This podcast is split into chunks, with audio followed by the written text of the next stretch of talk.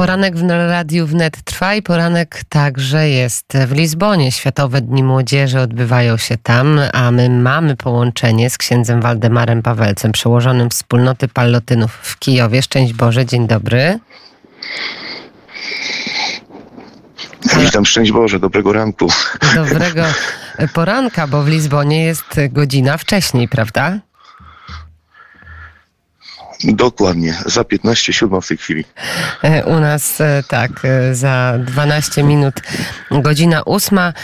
Światowe Dni Młodzieży miały ogromny wpływ na wzrost świadomości narodowej Ukraińców. Ksiądz jest odpowiedzialny za wyjazd rzymskokatolickiej młodzieży z Ukrainy na Światowe Dni Młodzieży w Lizbonie i wczoraj chyba bardzo, bardzo ważny dzień, bo udało się spotkać z papieżem Franciszkiem młodzieży ukraińskiej.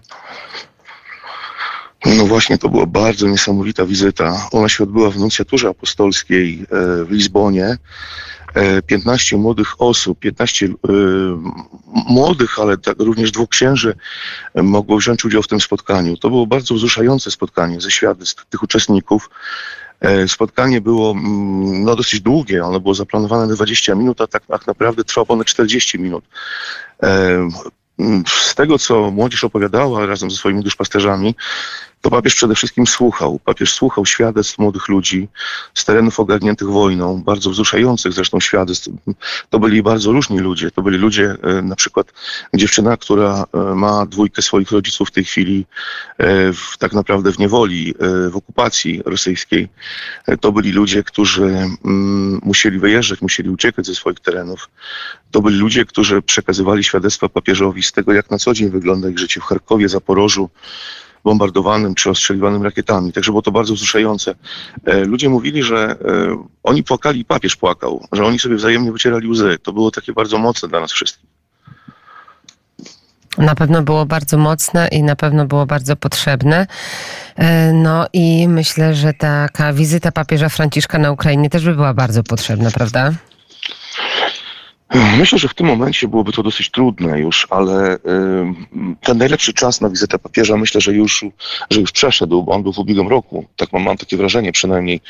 Natomiast myślę, że, że bardzo ważne są te wypowiedzi papieża, o których on mówi. My też e, staraliśmy się pokazać rzeczywiście e, przez różne środki społecznego przekazu to, co papież generalnie sam powiedział. No właśnie, temat. co powiedział do młodzieży, co powiedział do młodych? Papież poprosił o wybaczenie, że on nie może zrobić, e, że nie może, nie może zrobić wszystkiego, żeby, żeby pomóc zakończeniu tej wojny, dlatego że wróg jest podły. To są, to są słowa papieża. E, to, i, to, I to jest bardzo mocne. To, to, to nie są dyplomatyczne słowa, które gdzieś tam brzmią, ale, ale właśnie to ze, ze świadectw tych młodych ludzi bezpośrednio, którzy, którzy byli, byli wczoraj z papieżem, to było bardzo mocne, to były bardzo mocne słowa, bardzo mocne, wzruszające słowa też dla nich. Poruszające, bo one odbiegają od tej retoryki, takiej narracji, która jest podawana przez, przez różne źródła na temat e, wypowiedzi papieża Franciszka, na temat właśnie wojny na Ukrainie. To na pewno musi być trudne, kiedy, kiedy się spotykają dwie strony i kiedy w sumie e, okazują jakąś bezsilność wobec tego, co się dzieje na Ukrainie. Według te, to, jest, e, to jest ogrom zła, które się tam dzieje przede wszystkim. To jest walka ze złem i papież to potwierdził również. Papież to właśnie potwierdził, że on jest, że on jest bezsilny, że on chciałby zrobić więcej, ale, ale niestety nie może, nie może nic zrobić, dlatego że, że, że zło jest podłe. Tak, tak, to, tak, tak to powiedział papież, tak to nazwał. Zło jest podłe i widzimy, jak ono e, działa, jak ono e, funkcjonuje. E, proszę księdza, to powiedzmy w ogóle jak nastrój, jak, bo to jest jedno spotkanie z tą młodzieżą ukraińską, ale w ogóle jak papież był przyjęty, co mówił do młodych zgromadzonych w Lizbonie, jakie miał przesłanie? Wczoraj było takie pierwsze spotkanie oficjalne, powitanie papieża, e, w którym przede wszystkim bardzo mocno papież powiedział, że e, Kościół jest otwarty dla wszystkich, na wszystkich. Kościół jest otwarty na wszystkich i dla wszystkich. To są chyba jakieś takie najmocniejsze słowa, które do mnie z tego całego przesłania papieża wczoraj dotarły. E, to nie chodzi, że, że, że Kościół popiera grzech. Kościół, mm, Kościół mówi o grzechu, Kościół nazywa grzech po imieniu. Natomiast nie zamyka przed, przed nikim drogi do, do, do wspólnoty Kościoła. To, jest, to były bardzo mocne słowa, które, które ja tak szczególnie wczoraj z, tej, z tego przemówienia papieża, wcale niedługiego, bardzo, bardzo konkretnego przemówienia gdzieś tam e, udało mi się wybrać. I I myślę, że te, te słowa papieża, one były przyjęte przez młodych ludzi z ogromnym entuzjazmem właśnie tutaj, tutaj w Lizbonie.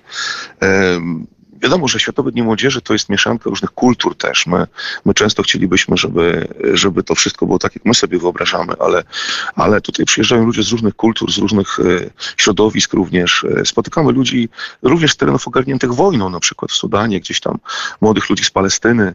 E, to, to jest ich codzienne życie i, i my wszyscy tak naprawdę mm, jesteśmy tutaj razem, wszyscy, wszyscy mieszkamy, my mieszkamy na przykład w szkole tutaj razem z innymi grupami też ludzi mamy naprawdę bardzo, bardzo dobre warunki, ale, ale przede wszystkim najważniejsze jest to bycie razem, to, to dzielenie się również Chrystusem. My, my tutaj przyjechaliśmy z taką ideą, że chcemy głosić Chrystusa ukrzyżowanego, cierpiącego, ale chcemy spotkać Chrystusa zmartwychwstałego.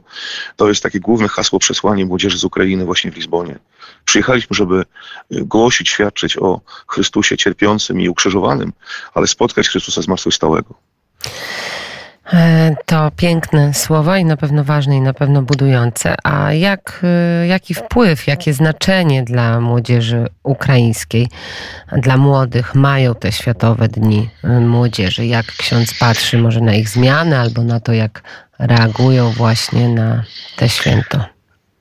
E, po pierwsze, to e, naszym takim przesłaniem też e, do, do młodzieży, o które prosiliśmy jako duszpasterzy, jako koordynatorzy grup, jest to, żeby młodzież ukraińska była ambasadorami Ukrainy.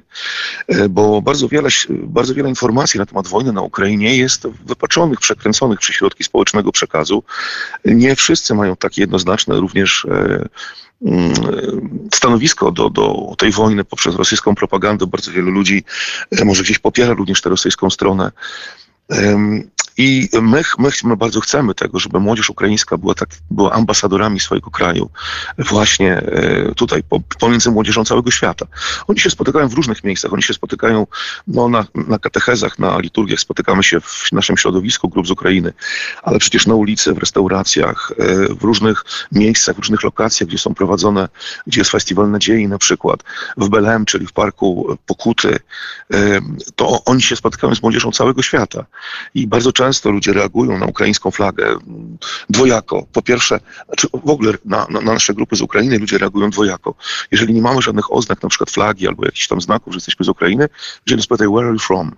E, skąd jesteś? Jak mówimy, że z Ukrainy, to oni zaczynają być, być, smutnymi, dlatego że widzą, że spotkali ludzi, którzy są z terenów objętych wojną. Wtedy zaczynają mówić o tym, e, gdzieś tam współczuć. My im dziękujemy za pomoc.